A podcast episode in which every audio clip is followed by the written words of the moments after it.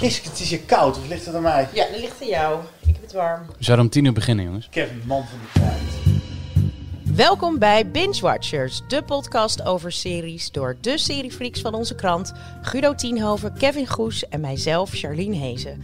Wij hebben het laatste nieuws en gaan je weer vertellen to binge or not to binge. Guido, over welke serie wil jij het vandaag hebben? Over The Crown. Seizoen 3. Niet de Queen. Niet de Queen, nee, The Crown. Oh, oké. Kevin, wat heb jij meegenomen vandaag? Ik heb eh, de, de allereerste Star Wars live-action serie meegenomen, The Mandalorian. Maar eerst, wij mochten er sinds september al aan snuffelen, maar deze week was het dan echt zover. Disney streamingplatform Disney Plus werd dinsdag officieel gelanceerd in de VS, Canada en Nederland. In tegenstelling tot voorganger Apple TV Plus heeft Disney een overweldigende bibliotheek. Denk de Star Wars franchise, de Marvel Universe en Pixar. En belooft ook nog eens aan dit aanbod na één jaar te hebben uitgebreid naar 500 films en 700 afleveringen. 7000. 7000. Ja. Precies, dat klinkt inderdaad wat indrukwekkender. Disney is hier duidelijk mee van plan Netflix de nek om te draaien. Of in ieder geval een flinke dreun te geven.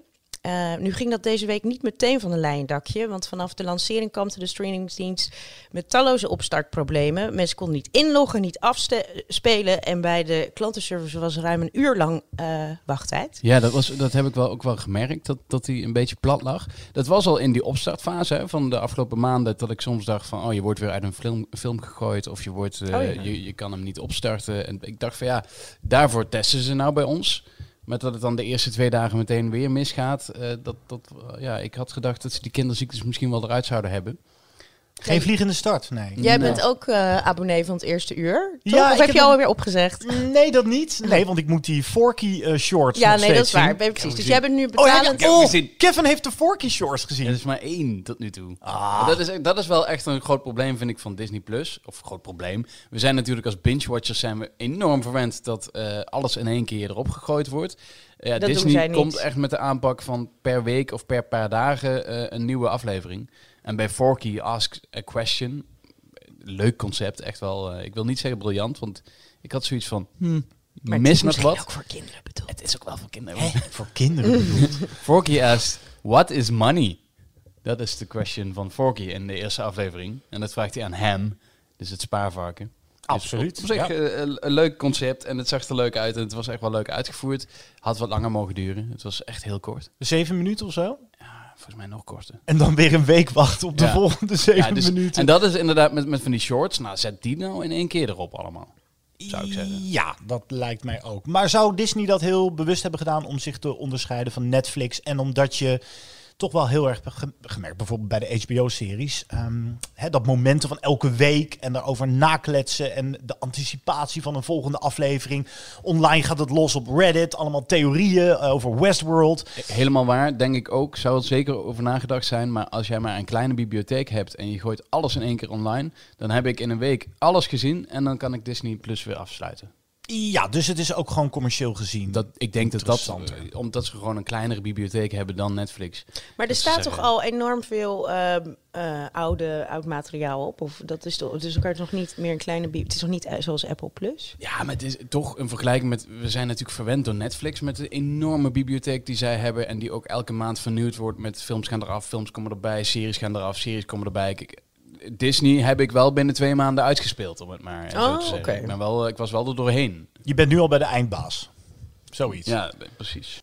Ehm, nou goed, wat zijn jullie aanbevelingen eigenlijk na de eerste dagen Disney Plus? Afgezien van The Mandalorian, Kevin? Ja. Ja, ik, jij hebt volgens mij nog niet veel tijd gehad, hè, Guido? Want je zat in een vliegtuig en dat had vertraging. En je moest zo nodig met de hoofdrolspelers van The Crown gaan praten. Ja, het is dat het moest Ja, hoor, anders had ik dat nooit eh, gedaan. verschrikkelijk Ja, natuurlijk. dat is helder. Ehm, ik heb wel tijd gehad om een beetje te streamen en een beetje er doorheen te gaan. Eh, ik ben begonnen aan twee minuten High School Musical, de musical, de serie. Dat Waarom? niet- dat- Ah, ja, ik denk van, inderdaad. weet je, hè, ga eens kijken. Ik heb nog nooit iets van High School Musical gezien. Dus ik dacht van, nou, misschien eh, eh, is het iets. Nee, ik vond niks. Maar eh, toen heb ik wel eh The World According to Jeff Goldblum gekeken, de eerste aflevering. Oh, leuk. Ja, ja, het, En dat is National Geographic, ja, hè? dat is van National Geographic. En eh, eh, ja, dat is Jeff Goldblum op zijn hoogtepunt. eh, op zijn manier de wereld van sneakers bespreekt hij in aflevering 1. Ehm, Ik denk wel dat hier is het juist wel goed dat er wekelijks een aflevering komt. Want als je deze allemaal achter elkaar zou bingen, dan word je helemaal gek van hem. Hij is briljant, hij is leuk, hij is grappig. Ehm, maar ik denk dat als je twee uur naar Jeff, Jeff Goldblum kijkt, dat je dan wel eh, een hele andere kijk op de wereld hebt. En Wel, wel wordt. goed om even te weten. Jeff Goldblum is vooral bekend geworden, denk ik, bij het grote publiek. Jurassic Park. Daarvoor was hij ook al in talloze films te Mhm. zien. Als The Fly. Daar zag ik hem. Eh, Ja. ja, oh ja, Independence, Day. Ja. En hij begint steeds meer een beetje een parodie op zichzelf Ja. te worden. Hij speelde eigenlijk al min of meer een uitvergrote versie van zichzelf in Thor Ja. Ragnarok. Ja. ehm, de derde Thor-film. Erg leuk trouwens. Een van mijn favoriete Marvels trouwens. Gewoon even gezegd hebben. Maar dit is dus de moeite waard. Dat wilde ik nog even vragen. Want wij hebben in Nederland dan al een tijdje Disney+. Plus. Maar nu de officiële launch is geweest, staat er dan nu heel veel meer op dan toen wij het hier net kregen? Nee. De eerste afleveringen van een paar nieuwe series staan erop. Dus eh The Mandalorian, waar we het dadelijk over hebben. eh, Jeff Goldblum, eh Encore. Dat is een scripted, eh, of ja, non-scripted reality tv pro programma met Kirsten Bell. Die eh, met, met ehm, groepen mensen hun high school musical opnieuw gaat doen. Oh jezus, sorry. Ja. Dit Ja, las ik nou ja, en toen dacht is- ik, prima, dit is niet voor mij. Nee, ja, overslaan dus. Ja, maar dan wel vervolgens echt de high school musical zien. ja, even, even kijken. Maar Een dat was- man ben na- toch, Na twee minuten was dat helemaal klaar. Ehm, ja, de, de, de- de- Forky staat erop. Dus inderdaad, aflevering 1. Ehm, Lady en de Vagebond, daar trekken ze natuurlijk heel veel mensen mee. Hè? Dat, Oh ja, die die li- live-action versie. ja. Ik ben nog niet eraan begonnen. Ook omdat ik de originele Lady en de Vagebond eigenlijk heeft mij nooit getrokken. Oh, we- oh niet? Oh, Nee. wel, mijn wel. Die staat echt eh hoog Kom in op, de mijn spaghetti-scène. favoriete Ja, ik ken hem. Maar ja, nee, het doet niks met me. Ja, Oké, nou ja. Ja, ja. Maar ik heb niks met honden. Misschien is dat het ook. Oh, Ja, ik oh. heb ook niks met honden. Maar Nou- zolang ze geanimeerd zijn, vind ik ze leuk. Ja, Ik, ja. voor, ik heb heel veel met honden, dus het is... wil ik wil graag even gezegd hebben. Eh, over oude per klassiekers gesproken. Want wat een ander ding wat opviel bij de lancering is dat nu die, eh, een aantal van die Disney-klassiekers nu met een disclaimer worden aangeboden. Films zoals Dumbo, Jungle Book, eh, Peter Pan komen nu met een uitgebreide waarschuwing en verontschuldiging dat de originele ver- deze originele versies mogelijke verouderde culturele afbeeldingen bevatten. Ah. Uh, bij Peter Pan is het echt een hele heel epistel wat vooraf gaat aan de film. Uh, nou, wat vinden jullie? Goeie zet? Maar wat is, wat, wat is dan de controverse anno nu bij Peter Pan? Want Ja, die heb ik toevallig eh, recent weer eens aangezet toen ik net Disney Plus had. Eh, gewoon leuk, eh Peter Pan weer eens kijken. Volgens We hebben het over de oude tekenfilm. Ja, ja, ja, want dit gaat echt. Sommige van die films die zijn al 80 jaar eh, oud, blijkbaar. Nou goed, in Dumbo is het die. ehm, ja, ik vond dat dus een hele leuke scène. Maar eh, die vogeltjes op de. Op Ja, die de, kraaien. Dat, want dat is, zou Ja. zeg maar de audio-versie van Blackface eh, Ja. zijn. Nee, dat, dat is bekend, Dat maar van. Peter Pan. Dat Nou, de- de- daar schijnt- waren eigenlijk heel lief. En eh, nou, er zitten volgens mij in die, die kin- die kinderen, er zitten wat eh, stereotypes qua, eh, ook etnische stereotypes. Volgens mij, die, die, hoe heet die kinderen ook weer? De Last Boy? Oh, ja, ja, de, Lost de, de Lost Boys. Ja, daar, Zit, daar zit ook. Maar dat moest ik. Dat ligt ook niet meteen voor de hand. Wat daar dan. ehm, eh, Maar Dat ze Gaan spelen. Dit Ja, is natuurlijk, zoiets. is natuurlijk dat wij een Amerikaanse streamingsdienst krijgen, hè, de Disney Plus. Eh, bij ons was het eh, afgelopen maanden nog helemaal geen, eh, geen punt dat het er allemaal zo was. Nu zag ik inderdaad gisteren, toen ik iets aan het kijken was, ook allemaal van die dingen in beeld komen van eh, allemaal waarschuwingen. Ehm, in Amerika is het natuurlijk zo dat bij alles wat maar verkeerd opgevat kan worden, dat er meteen een disclaimer bij gezet wordt. Ja, het is Ehm, daar vrij hysterisch. Nou, kijk, ja. in Amerika zijn ze zeker zo'n film als, als Dumbo of, of dingen in Jungle Book. Daar zijn ze bijna zover dat ze zo'n film ongeveer zouden kunnen cancelen ja. in zijn geheel. Ja. Dus je zou Ja. bijna kunnen zeggen, het feit dat ze erop zetten. Want op, op eh, nou, bepaalde dingen zijn wel inderdaad wel bekend dat daar al veel commentaar is. Dat Ja, is maar al. eh, die tijd, joh. Nee, Ja, maar als ik je- vind als het je- alleen maar heel goed. Ik vind het eigenlijk best een goede set. Want je Ik vind het ook plaatst wel het in de context van Ja. nu. Ja. Maar je doet niet... Het is niet eh, wat... Tenminste, waar ik helemaal niks mee op heb... is dat je dan opeens niet meer... zoals de Gouden Eeuw niet meer de Gouden Eeuw mag eten. Of dat dan... Oh ja. Dat Ja. je dan opeens VOC, doet alsof het niet bestaan heeft. ja. Dat is gewoon niet echt... eh, Dit is ehm, een podcast over ja. series, hè jongens. Ja, oké, maar- eh, het dus een goede midden. van. Alleen Ik als je één eh, film doet, dan moet je alles doen. Ja, dat doen Dus ook. inderdaad, dan moet Ja. Peter Pan en oké, dat zal hem dan in die Lost Boys zitten of iets met Ja, dat denk ik ook, ja. vooroordelen Ja. over Native Ja. Americans. Americans. Leno Jenny scha- zou geloof ik ook wat zitten. Die stond er ook tussen. Ik weet dan niet, Lady Jenny Vagebond zou ik echt niet precies uit mijn hoofd weten wat, dat, eh, wat daar offensive... Ja, misschien is het voor mensen die dan niet van honden houden. Oh dat ja. er eh, even een disclaimer staat van. Nee, deze maar film gaat over honden. Ja. Ik vroeg jullie mening, maar ik zal de mijne ook even geven. Ik vind het in ieder geval een goede ontwikkeling. Omdat je, nou ja, je, je wist het niet uit, maar je eh, zet het wel met eh, in de plaats van de context van nu of zoiets. Of Ja, nee, zet ben ik ook wel met je eens Ja. hoor. Tuurlijk, dat moet zeker gebeuren. Dan Eh, is iedereen tevreden als het goed is, hopelijk. Eh, nou, leuke feitjes na ehm, een paar dagen Disney Plus is dat ze inmiddels eh 10 miljoen abonnees hebben kunnen verwelkomen. En eh, wat ook nog een, wat ik zelf een enigszins saillant detail vond, is dat eh, die technologie, dus die eh, eh, behoorlijk faalde op de eerste dagen, eh, Disney Plus al meer dan eh 2 miljard heeft gekost. Dus ehm, nou ja, Dat dat, is ongeveer de, de kosten van deze podcast. ja, Ja. precies. Daar kan je toch altijd ook wel lang over nadenken hoe dat dan allemaal werkt. Weet, weten we iets van de cijfers, eh, hoeveel abonnees in Nederland er inmiddels Nee. zijn? Hebben ze niet, eh, Maar Nee, ja, goed, heel veel mensen hebben die testfase en dan gaan ze het misschien weer cancelen. Dus ze hebben nu over een half jaar wereldwijd hebben ze in dag 1 hadden ze 3,6 miljoen downloads. Dus eh, Oh, van films en van series. En. Ja. ja. Dit zou dus toch wel die Netflix-killer kunnen zijn. Dus nog steeds een beetje afwachten Ja. natuurlijk. Maar, Ja. Even afwachten. Maar goed, Disney en Netflix zijn niet de enige gorilla's op de streaming-rots. HBO Max, dat volgend jaar wordt verwacht, maakt rumoer met het bericht dat zij met de gehele originele cast van Friends werken aan een reunie. Het zou om een unscripted reunion special gaan, die samen eh, met alle oude seizoenen van Friends op hun platform te zien zullen zijn. Want Friends neemt eind dit jaar afscheid van ehm, Netflix. Dat is dus weer door HBO opgekocht. Eh, dus die worden, gaan dat helemaal claimen. Krijg wel Seinfeld. Precies, ja, dat, eh, ik vind het prima ruil. Ehm, Guido, snak jij naar Friends reunie? Ik bedoel, laten we zeggen dat dit was wel echt het serie nieuws van de week. Want eh, er is, Ja. natuurlijk een hele grote schare Friends-fans. Zel- Zelfs heel jong ook, nieuwe mensen die het ontdekken. ja, nee, ik heb nooit zo heel veel met Friends gehad. Eh, sowieso ben ik niet zo'n sitcom-liefhebber. Oh ja. Dus nee, ik, ik, ik kan daar niet echt... Wat ik wel fascinerend vind is... eh, nou, Friends had laatst ook in de bioscoop eh, weer even een rerun... omdat ze zoveel jaar bestonden, geloof ik. Ehm, 25 jaar geleden. Ja, Ja, en die bioscoopzalen zaten wel redelijk vol. Want het eerste wat mij te binnen schoot toen ik het nieuws las...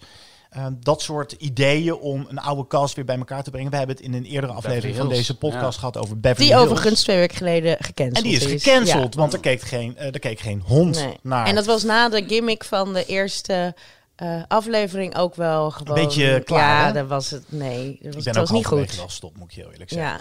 Maar bij Friends, ja, ik denk dat mensen hier wel, eh, de fans zullen hier wel hysterisch van worden. Jij, Charlene? Nou, ik ben dus ook niet. Ik vond het toen leuk, maar ik heb dat. dat is, niet- er zijn inderdaad. Dat is eh, waar Seinfeld of.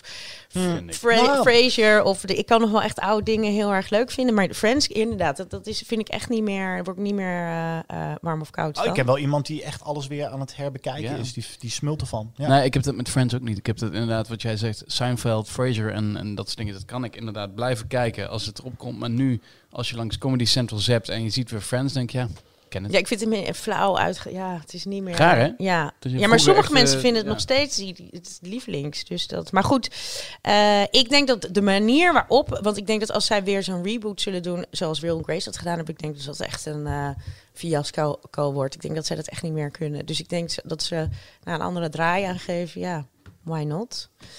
Ehm, ben benieuwd. in other news, eh, Ricky Gervais gaat volgend jaar de Golden Globes presenteren. Ja.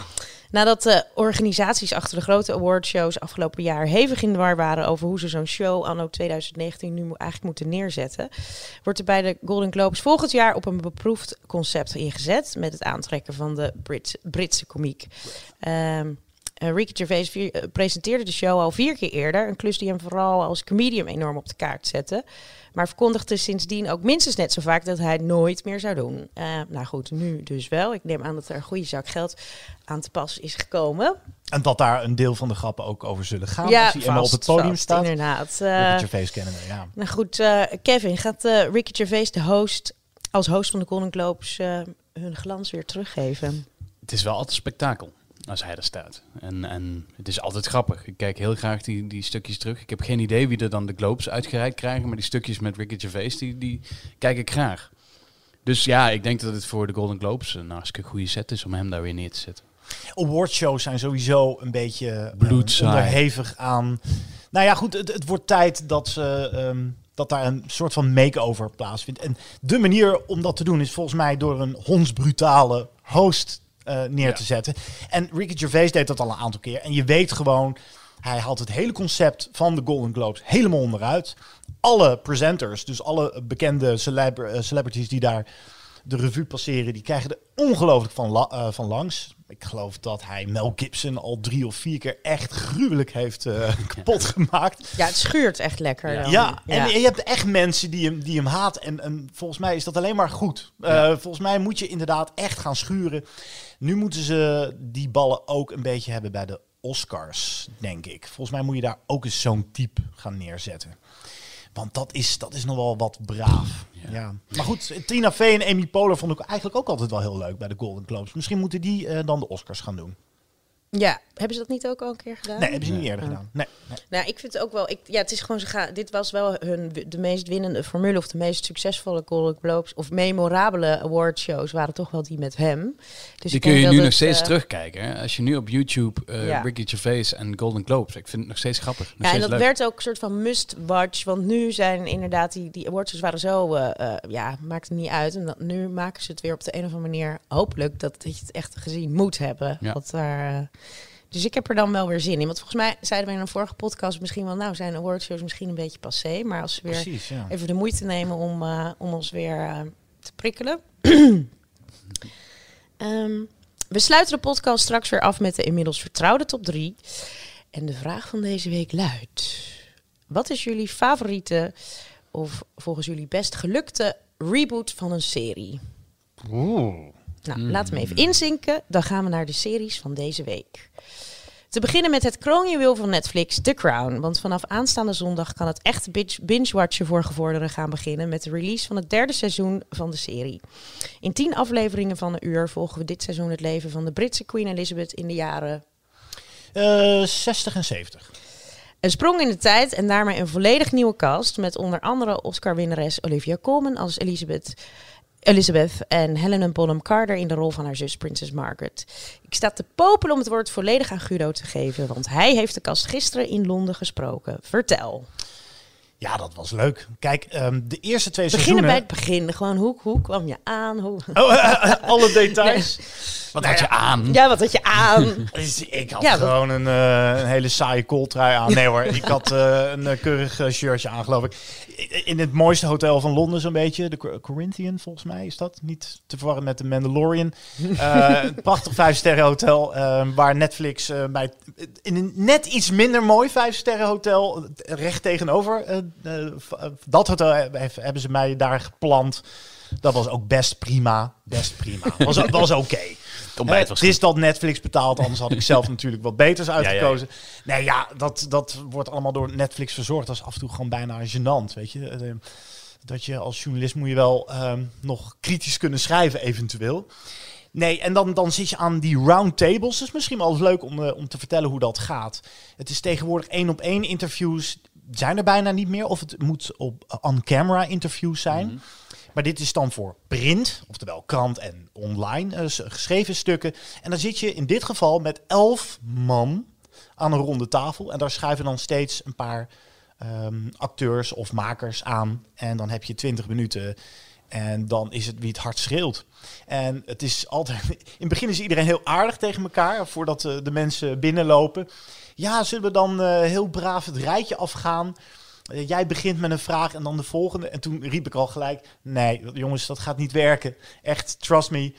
Eh, dat- dat, cirkeltje maken we niet eens rond in eh 20 minuten. Het is gewoon wie het hard schreeuwt. En nou, dat heb ik vervolgens ook gedaan. Gewoon, ja, gewoon opeisen. Je moet een beetje brutaal zijn. Eh, maar hartstikke leuk. Eh, Olivia Maar Colman daar leer je inderdaad. natuurlijk ook van. Hè? Dat heb je natuurlijk al vaker gedaan. Dit soort. Ja, ja, ja dat, dat is ook zo. Ja, de eerste keer, je hebt wel zo'n interview gehad dat je dan misschien inderdaad bijna niks kon vragen. Dat je denkt, "Kut, dit ga ik de volgende keer echt anders aan Ja, ik ben een keer eh, naar Malaga geweest en daar heb ik geen vraag kunnen stellen. maar dan maak je wel gebruik van, nou ja, Ja, alle ja. antwoorden die worden gegeven in die ruimte, die kan, je, kan iedereen natuurlijk gebruiken. Dat is logisch. Maar eh, ja, we hadden Olivia Colman, die speelt dan Queen Elizabeth II in deze serie. Want dat is wel goed om even te weten, ehm, er is een nieuwe cast. Ja. Eh, Claire Foy speelde haar eerst, maar we zijn nu iets opgeschoven in de tijd. We hebben ook een andere Prins Philip, dat is in dit geval Tobias Menzies. Eh, ik ken enkele vrouwen die helemaal dol op die man zijn uit... ehm, ik ben echt... hallo, hoe heet die serie ook weer? Het speelt zich af in de, de Schotse hooglanden. Outlander, Outlander. natuurlijk. Outlander, ja. Ja. Eh, mooie serie. Eh, mooie kerel. eh, en een hele geschikte Prins Philip. En dan hebben we een nieuwe eh, Margaret. En dat is dan inderdaad Helena Bonham Carter. Ja, Ja, daar ben ik heel erg benieuwd naar. ja kijk, het- is kolfje naar de hand van Helena Bonham Carter. Die haar echt een beetje neerzet als een soort Norma Desmond uit ehm, Sunset Boulevard. Hysterisch, eh, flink aan de alcohol. Eh, nou, de affaire komt aan bod. En hoe zij zich verzet tegen alles wat met het Koningshuis te maken heeft. Waar ze nu eenmaal onderdeel van uitmaakt. Eh, het eh gebitch tussen haar en haar zus, de koningin. Eh, ja, dat, dat zijn wel de hoogtepunten ook uit de derde serie. Hoeveel heb je al kunnen zien? Qua Ik heb-. Nou, ik heb er nog niet heel veel gezien. Ik ben nog niet eens op de helft van de tien uit mijn hoofd. Ehm, dus ja, vanaf eh, zondag staat alles eh, in één keer online. En dan eh, gaan we vrolijk verder kijken. Ja, het is even wennen aan de nieuwe cast en de nieuwe gezichten, natuurlijk. Maar dat gaat wel vrij snel, want dit zijn allemaal briljante acteurs. En het leuke van Olivia Colman vind ik, die is altijd vrij hysterisch. We kennen haar vooral uit The Favourite. Daar won ze eerder dit jaar een Oscar voor. Daar speelde ze ook een koningin, Queen Anne. Heel ander type. En Broadchurch, daar kennen we haar ook van. En Fleabag zit ze in als die hysterische Ja. eh, Moeder, schoonmoeder. ja. Schoonmoeder. Schoonmoeder, ja. Die is fantastisch. Maar hier moet ze zich ontzettend Stiefmoeder. inhouden. Want eh, Queen Elizabeth is niet meer de jonge sprankelende vrouw. Maar ze is eh, middelbare leeftijd. En al een beetje uitgeblust. En vooral dit seizoen focust zich heel erg op... Ja, dat, dat iedereen, dat zij zich steeds meer beseft dat ze, ja, dat ze gevangen zit. Dat ze al haar emoties moet inslikken. En eigenlijk ook haar menselijkheid deels moet opgeven. Er zit een prachtige, eh, prachtige scène ook met Prins Charles. Eh, die komt ook voorbij, haar zoon. En dat is dan een twintiger nog in deze serie. En Charles die zegt van, ja, eh, hallo, ik laat mij de mond niet snoeren. Ehm, ja, nee, helaas. Je mag geen mening hebben over wat dan ook. En dan zegt hij van, ja, maar het- het- mensen wi- willen toch juist... ehm, nee, nee, zegt ze, niemand wil jou, wil dit überhaupt horen.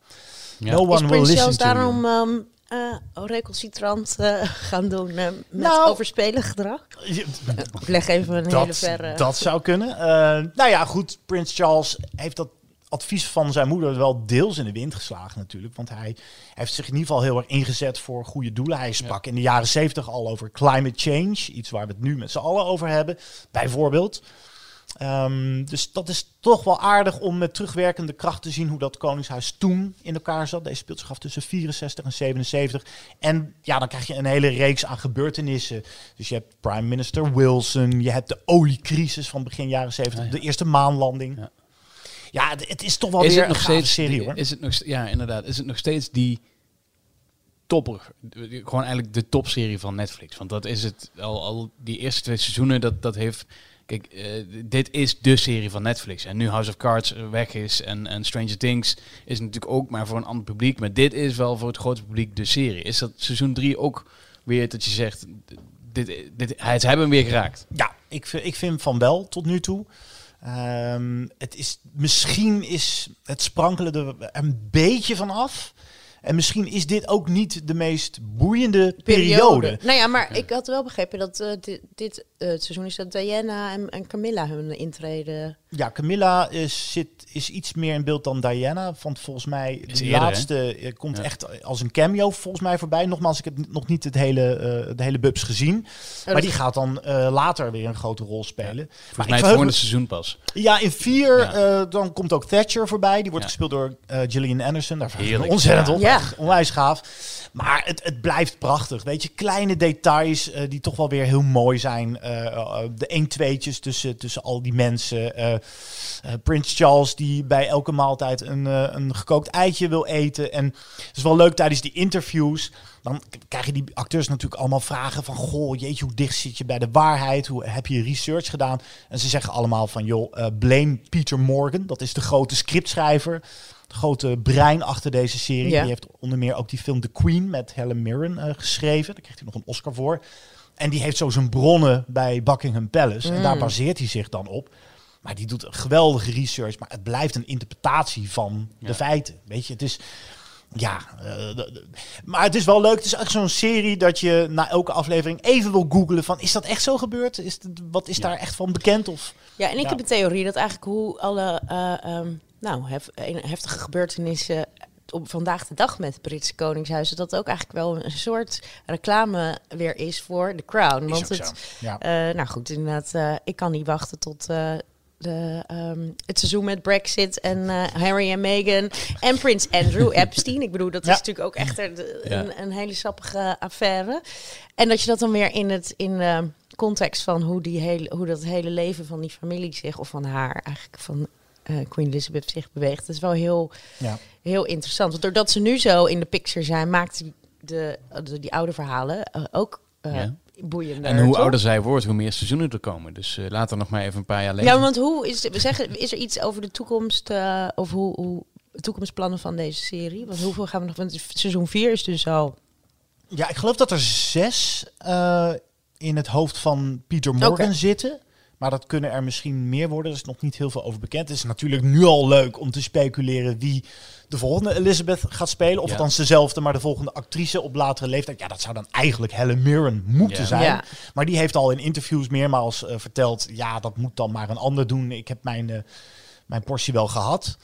Dus eh, ik denk wel dat de Crown ook wel heeft gezorgd in Engeland voor meer, toch wel meer sympathie en begrip voor het Koningshuis. Ik had het er gisteren nog over op de terugweg naar Heathrow eh, met een taxichauffeur en die zei van eigenlijk iedereen is eh, dol op Queen Elizabeth en dat is wel eens we- anders geweest. Kunnen we Judy Dench misschien nog uit eh, haar eh, Ja, als- retirement halen? ja, maar die moet dan nog wel leven. Ja, die is ook al 84. En die heeft al zoveel koninginnen gespeeld. Nou, En die is niet zo klein als Ja, eh, Elizabeth. Elizabeth. Echt een, ja, dat is echt een mini-mensje. Ja, maar Judy Dench is zo oud, inmiddels zo gekrompen. Ja. Misschien uh, die kan er wel voor. Oh, onvriendelijk klinkt Goed. dat. Maar Als je luistert, Judy, sorry. Maar Je goed, hebt dat ook was dus gesproken trouwens met eh, Elizabeth eh, Bonham Carter. Hè? Met, eh, Helena Bonham Carter. Helena- ja, Ja, ja, Helena. ja, ja, Helena Bonham Carter heb ik Elizabeth gesproken. Helena. Wat onwijs. Ja, hoe is zij? Ja, zij is fantastisch. Precies zoals je verwacht. Mensen die haar eh, ehm, kunnen, kunnen haar kennen uit de Tim Burton films. Ze is ook heel lang eh, getrouwd geweest met Tim Burton. En de jongere luisteraar kent haar misschien als Bellatrix Lestrange uit de. Harry Potter films. Eh, lekker hysterisch. En ze is ook hysterisch. Er werden maar twee vragen gesteld in die ruimte. En zij kletste de boel aan elkaar, maar met allemaal mooie anekdotes. En het leuke is, En zag ze eruit alsof ze net uit, een, eh, uit bed kwam Yep. rollen of was ze helemaal gepoetst of gebalijst? Dat ben Nee, ik dus niet maar dat, dat- zij weet altijd een perfecte Of een mix combinatie daarvan, twee. ja. ze, ze, ze oogt altijd een beetje warrig en zo, maar wel, dat is haar, haar stijl of zo. En, en wat heel leuk is, Helena Bonham Carter heeft een beetje koninklijk bloed door haar aderen stromen. Hoe dat precies zit, weet ik niet, maar zij is de enige die eh, de persoon die zij speelt, dus Prinses Margaret, heeft ontmoet. En daar heeft ze ook wel iets over verteld. En daar heb ik een clipje van meegenomen. Oh, nou. my uncle was genuine friend to her. Um, so he would sometimes have parties, and there was always like a princess is in the room, you know. And we were told, you know, don't turn your back to her. She is a stickler for protocol. So I would, you know, just be aware of her in a room. I didn't really go hi, you know, but. Uh, and then, but I met her over the years, and she became more aware of me because I was acting. And I remember, probably in my thirties, I met her at Windsor, uh, you know, when Windsor was burnt down, then they invited, um, as a celebration, everyone. I think they had a, a um, like a, part, a reception for people in the arts, and uh, and she was just standing there on her own. She just struck me as very lonely. But you know what? If you're that well known and you're on your own, you look lonely. You know. Yeah. She's tiny. She was really, really small. She's like a pocket. You know. Um, they called her the pocket battleship. She's just sort of somebody who's very, very small, but she kept herself very, very tall, so she maximised her height. Al dus Helena Bonham Carter. Ja, gaaf hè? Ja. Ja, eigenlijk zegt ze van je kan niks misdoen met het spelen van Margaret, want ze is of eh, ontzettend vriendelijk of ze, is, eh, ze schiet weer helemaal, eh, eh, ze vliegt uit de bocht. Ze heeft zoveel verschillende gezichten. Maar ja, heel gaaf. Eh, zij is wel ook het personage eh, om, ja, je moet alleen al drie kijken voor dit, haar. Ze eh, Absoluut, seizoen. absoluut. Vanaf zondag. Netflix.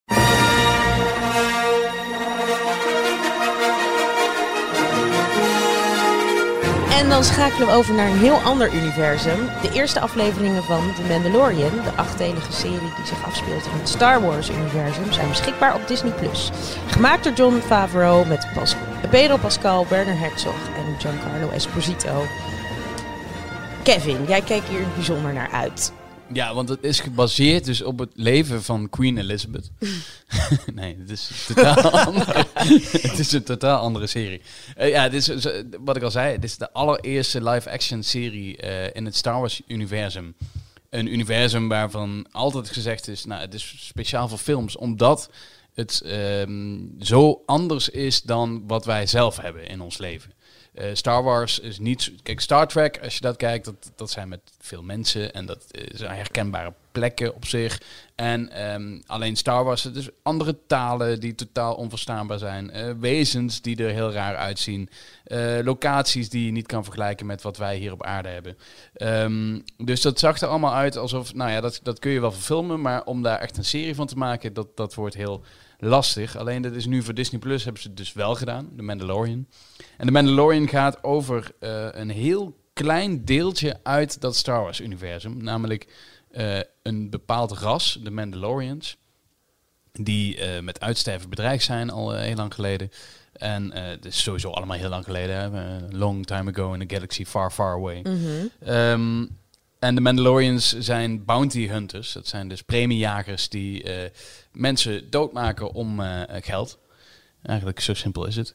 Uh, en deze Mandalorian die we nu volgen wordt dus inderdaad gespeeld door Pedro Pascal. Dat moet je uit IMDb halen, want hij doet zijn helm nooit af. Je ziet hem niet. Je ziet alleen maar een man met een helm. En als je goed luistert, dan hoor je inderdaad Pedro, Pedro Pascal, die je ook kan kennen van Narcos. Oh, ja. um, Game of Thrones, waar hij zijn ogen uitgedrukt kreeg. Leuke scène was dat. Um, ja, en, en, en ja, voor de rest weet ik eigenlijk niet. Dat zijn in ieder geval de twee grote waar je hem, hem uit kan kennen. Uh, hij speelt heel goed voor iemand die, uh, die je niet ziet. Uh, je merkt echt gewoon een, een bepaalde air gaat er van hem uit. Een bepaalde zelfverzekerdheid. te kijken, vind ik dan althans. Hm. Ja. Hij moet het dan puur hebben van zijn stem en uh, motoriek. Ja, mimiek, stem, motoriek, inderdaad. Uh, gewoon een zelfverzekerd loopje wat hij heeft. Dat je denkt van ja, um, je kunt meteen toch wel, heb je iets van feeling met deze, uh, deze persoon, dit personage. En uh, ja, je voelt je eigenlijk na vijf minuten al meteen thuis weer in dat Star Wars-universum. En dat hebben ze heel slim en goed gedaan door een paar locaties te pakken die niet zozeer herkenbaar zijn uit de films, maar wel lijken op wat er eerder in zat. De eerste scène is bijvoorbeeld in een kantina. Uh, in uh, Star Wars A New Hope, de allereerste Star Wars. Ja, want die, ik uh, las dat het een soort western vibes Ja. in zaten. Dat vond ik heel... eh, Zeker, ja. Hij is een beetje... Maar dat heeft Star Wars altijd Ja. wel een beetje Ja. gehad, vind ik. Ja. Ja. Hij is echt een long gun. Dus hij is echt zo'n eh, Clint Eastwood-achtig type die eh, in zijn eentje ehm, ja, op eh, premies gaat jagen en opdrachten krijgt van die en die en dan weer dat en dat doet en die en die tegenkomt. Heel wazig allemaal, wat ik nu zeg. Maar dat, dat is hoe, hoe het in ieder geval in aflevering 1 eh, eruit ziet.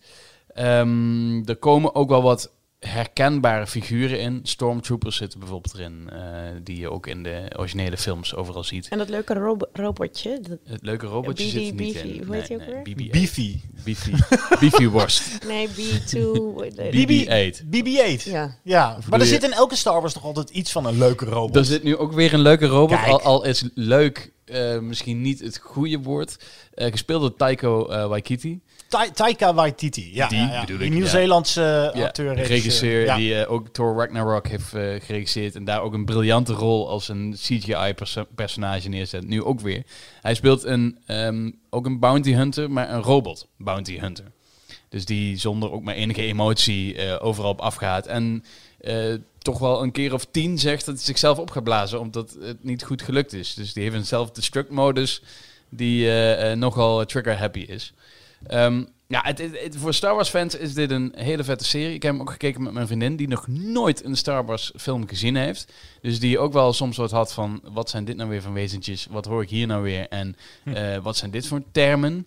Sommige termen zijn nieuw en die waren ook niet uit Star Wars. Maar ja, dat, dat is soms wel een beetje lastiger van zo'n enorme sci-fi serie. Dat, eh, ja, ze komen met heel veel info die je nog niet kent en die je maar waarschijnlijk along the way moet leren kennen. Oké. Ik, ik heb nog wel een vraag, want ik ben eigenlijk maar naar één ding echt benieuwd. Werner Herzog. Dat is Werner Ja. Herzog. Ja. Kom op. De legendarische regisseur Werner Herzog. Ja. Van onder meer de... Nou ja, hij deed Fitzcarraldo. Deed hij. Nosferatu. Eh, Nosferatu. Maar ik, ik moet bij Werner Herzog altijd denken aan Grizzly Man. Briljante documentaire. En ja, die stem van Werner Herzog alleen al. Ja, hij The speelt, bear eh, has an appetite for human flesh. Ja. Hoe is Werner Herzog in Ja, vredesnaam ja, ja. als bad Hij guy? is degene die de opdracht geeft. Zeg maar. in, in aflevering 1 is hij degene die het verhaal aan het rollen brengt. Dus die eh, komt met de- deze en deze moet je gaan vermoorden of moet je gaan vinden. Ehm, hij is eh, een nablijfsel van de Empire. Hè, dan gaan we wat dieper, want in Return of the Jedi wordt de Empire ehm, eh, ja, eigenlijk afgemaakt. Spoiler alert, Kevin. ja, ja, nou, Return mag of the Jedi mogen we iedereen toch wel zeggen. Dat in ieder geval iedereen die tot nu, toe- nu toe gekomen is in deze podcast en hier naar luistert, weet wel wat de Empire is. Ach ja. Dit speelt zich vijf jaar na eh, de val van de Empire, val, eh, speelt deze serie zich af. En er zijn dus nog plukjes. Ik zie Charlene helemaal uittunen hier aan de rechterkant van me. Er zijn dus nog plukjes van die Empire zijn er over. En die, zijn, die verzamelen zich op plekken, plekken ja, waar ze ondergrond zijn. Daar zie je dus ook die stormtroopers. En hij is eh, een, een oud-commandant van de Empire. Nou, En veel in beeld heeft hij een grote rol? Of is het, oh, nee. ja.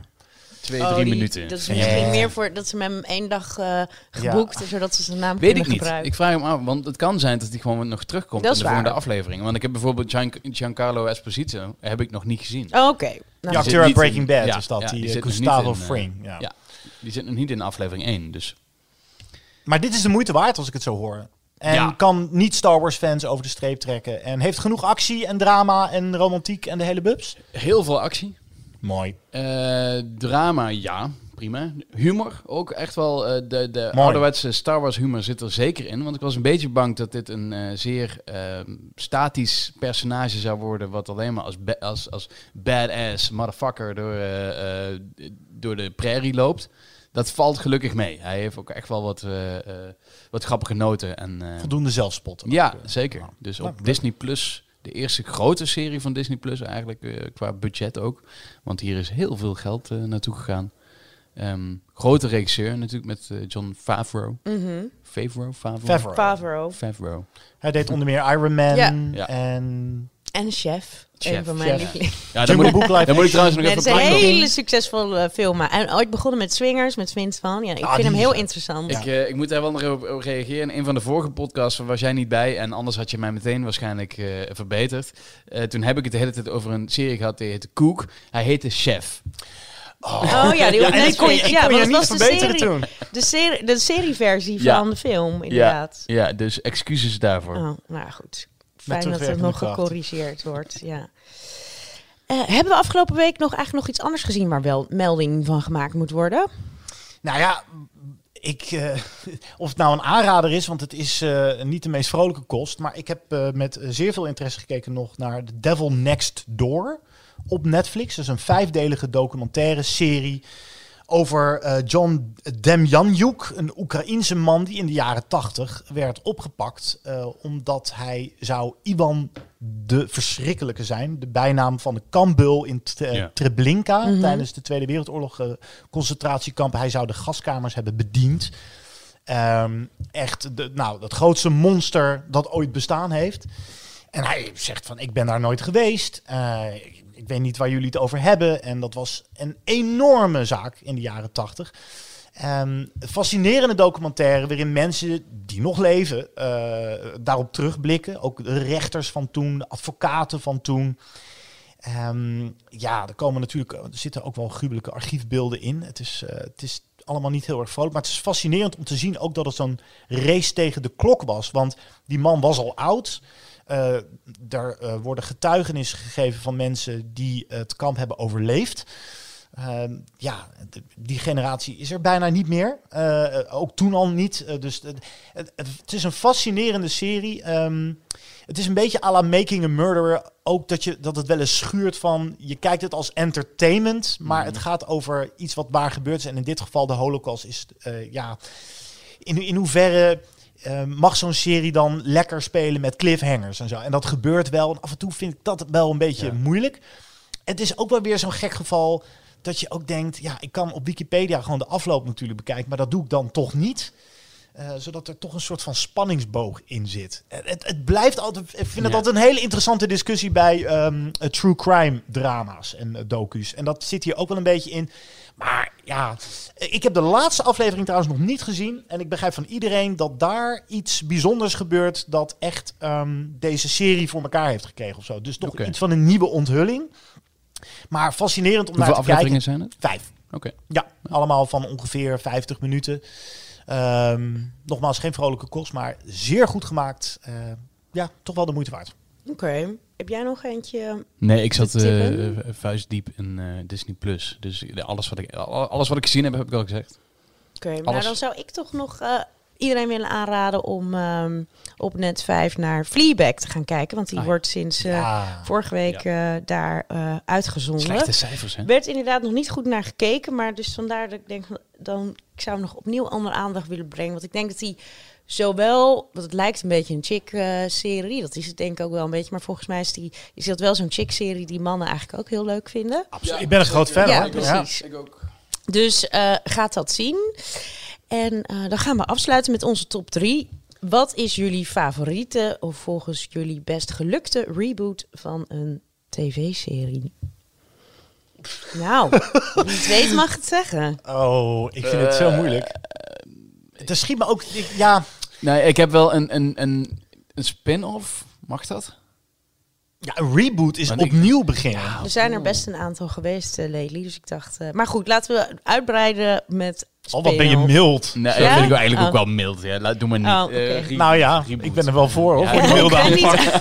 Ik ben niet altijd zo'n pushover, maar in dit geval, als, ik, als het... Nee, maar Ja. ik, ik, ik kan me niet... Ik kan me geen goede reboot... Ja, eh, voor, voor mezelf... ja, is er, nou, niet, ja, eh, dus er is eigenlijk niks, go- niks goed gelukt in jouw, Ja, dan moeten eh, we misschien, meegekregen. dan moeten we misschien toch, nog ja, toch iets breder trekken. Gewoon series die weer... Want ik neem aan dat jij, Charlene, ook doelt op series die vroeger een hit waren en dan weer terugkeren. Toch? ja, die wat dan een beetje een trend manier, is ook. Precies, dat voor, op een of andere manier. En, eh, Ja, bedoel, dan schiet me wel een begon goede met. Full House. En ehm het- wat Ja, volgens dat mij wel... Full Ik heb, Houser. ik heb er nooit naar eh, gekeken, maar dat is Fuller House. Ja, dat is Fuller wel House. heel... eh, Fuller House, hè. Fuller daar- House, ja. Volgens mij is dat wel goed. En je hebt, ik bedoel, Gilmore Girls is teruggekomen. Nou, als ik dan eentje moet kiezen, dan, dan zou ik zeggen toch Gilmore Girls. Ehm, ik eh, ben eh, onderhuids een zeer groot fan van de originele serie Gilmore Girls. Omdat ik, eh, ja, ik vond de humor gewoon echt heel leuk. Zelfs voor mannen vond ik het echt leuk om die serie te kijken. Gewoon het, het snelle gelul van die twee dames. En dan had je nog Luke, die vond ik ook fantastisch als personage. Milo met zijn moeilijke achternaam vond ik ook een leuke vent. Nieuw, ja. Ja, die. Ehm, en in het, laatste seizoen, wat ze nog eh, een paar jaar later inderdaad eh, nog gebracht hebben, vier afleveringen, volgens mij alle vier waren ze één seizoen, Eh, zeg maar een, een jaargetijde. Ehm, en die duurde anderhalf uur volgens mij per aflevering was het. Ja, dat vond ik een hele leuke afsluiting. Er zaten wel wat, wat dingetjes in dat ik dacht van, nou, het duurt wel lang. Het was Netflix en, en daardoor heb je wat meer ruimte. Anderhalf uur voor een aflevering is wat lang. Ehm, toch vond ik hem goed geslaagd. Vond ik leuk. Ja, ik heb hem niet gezien, maar het klinkt wel als een goede formule. Want ik denk, want dat zie je dus wel met Will and Grace. Dat gaat dus nu al wel weer een paar seizoenen door. Het is toch niet meer. Het is, er zitten leuke dingen tussen, maar het is niet meer wat het, de kwaliteit die het had. Vond, vind ik dan in, in principe. Ik Mhm. ben. ehm, Mogen we ook gewenste reboots doen? Ja, zeker. Van die E-team terugbrengen en dan meer naar het nu. Volgens mij werkt dat fantastisch. Ja, want ik ga, ja, ik, maar volgens mij heb ik, heb ik het over deze serie elke podcast tot nu toe. Maar ja, de serie die mij te binnen schiet is Twin Peaks eh, The Ja. Return. Oh ja. Ja. Ja. En ik, ik, blijf, eh, ik blijf het volhouden. Ik vind dat de beste serie van deze eeuw tot nu toe. Echt serieus. de Daar- Return. Ja, ik heb hem die Return heb ik nog niet, ehm, ben ik nog niet voor gaan zitten. omdat daar was eindelijk... wel heel groot eh, het, het, eh, het speelt namelijk ook met het gegeven dat het een sequel is. En een soort van reboot. En ehm, Ja. dat het eh, met het fenomeen nostalgie. En dat maakt die serie zo onvoorstelbaar spannend. Aflevering 8 is, vol, gaat echt te boek staan als de meest het achterlijke uur televisie ooit. Eh, echt het ontstaan van de mensheid eh, komt voorbij. Eh, van alles en nog wat. Insecten die in monden kruipen. Het is echt waanzinnig. Ja, dat, ja, de met de grootst mogelijke kloten gemaakt. Ehm, dus Twin Peaks, eh, The Return. Sorry, ik heb hem nog een keer genoemd. Misschien moet hij... ehm, In de top 3 komt hij eigenlijk bij jou altijd. eh, ja. Ja, Ja, dat is wel waar. Ik heb een andere podcast, Movie Insiders, een filmpodcast. En daar hebben we op een gegeven moment de regel... eh, films die te vaak aan bod komen, die moeten het museum in. En dat doen we dat Movie Insiders Museum. Dus misschien moeten we het Binge Watchers Museum maar eens gaan Nou, we, we gaan erover nadenken. Twin Peaks eh de eerste jij hebt er denk ik ook nog één, of niet? Ja, ik was erg blij met de reboot van Roseanne. Natuurlijk wel enorm, ehm, hoe zeg je dat, tumultueuze. Nogal. eh, affaire geworden. Met ook weer de, de, het volledige vert- vertrek of cancellation van Roseanne. Heel erg jammer. En dan heb je nu de Connors. Maar ik moet zeggen dat ik dat dus echt heel goed gelukt vind. Want ik vind het, wat, het brengt mij precies dat gevoel wat ik er vroeger bij had. Want het was echt iets wat ik elke dag keek toen ik ehm, opgroeide. Dat werd op bepaalde tijdstippen stippen altijd uit. In ieder geval, dat was echt zo'n eh, eikpunt. En ja, ik vind dat ze dat nu in een heel modern jasje, maar toch echt die ouderwetse kanners. Dus ik, ik vind dat heel goed gedaan eigenlijk, tot op heden. Dus dat is mijn. eh, ehm, die zet ik in de top drie. Nou, ik denk dat we gaan eh, afronden. Dit waren Guido Tienhoven, Kevin Goes en Charlene Hezen. Dit waren de Binge Watchers. Abonneer je via Spotify of iTunes. Geef ons 5 sterren en laat vooral leuke berichtjes achter. Tot de volgende keer.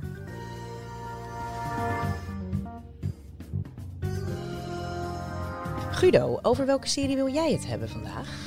Ik wil het hebben over The Queen. Eh The Crown. Ah, het gaat gewoon weer Seizoen mis, 3. hè? Jeez! Ze doet zo haar best en... en, en oh, En deze moeten we wel even over. nee. Ja, maar ik roep ook Jezus. Oh ja. Ja. Het is allemaal, vind ik- en je bent net 24 uur in de hol van de Ik heb Crown hier de geweest. Queen staan. Dat is ook Oh, zo de dom. Dat is die film van 13 jaar geleden. Oké, The Crown, The Crown, The Crown, The Crown fuckers.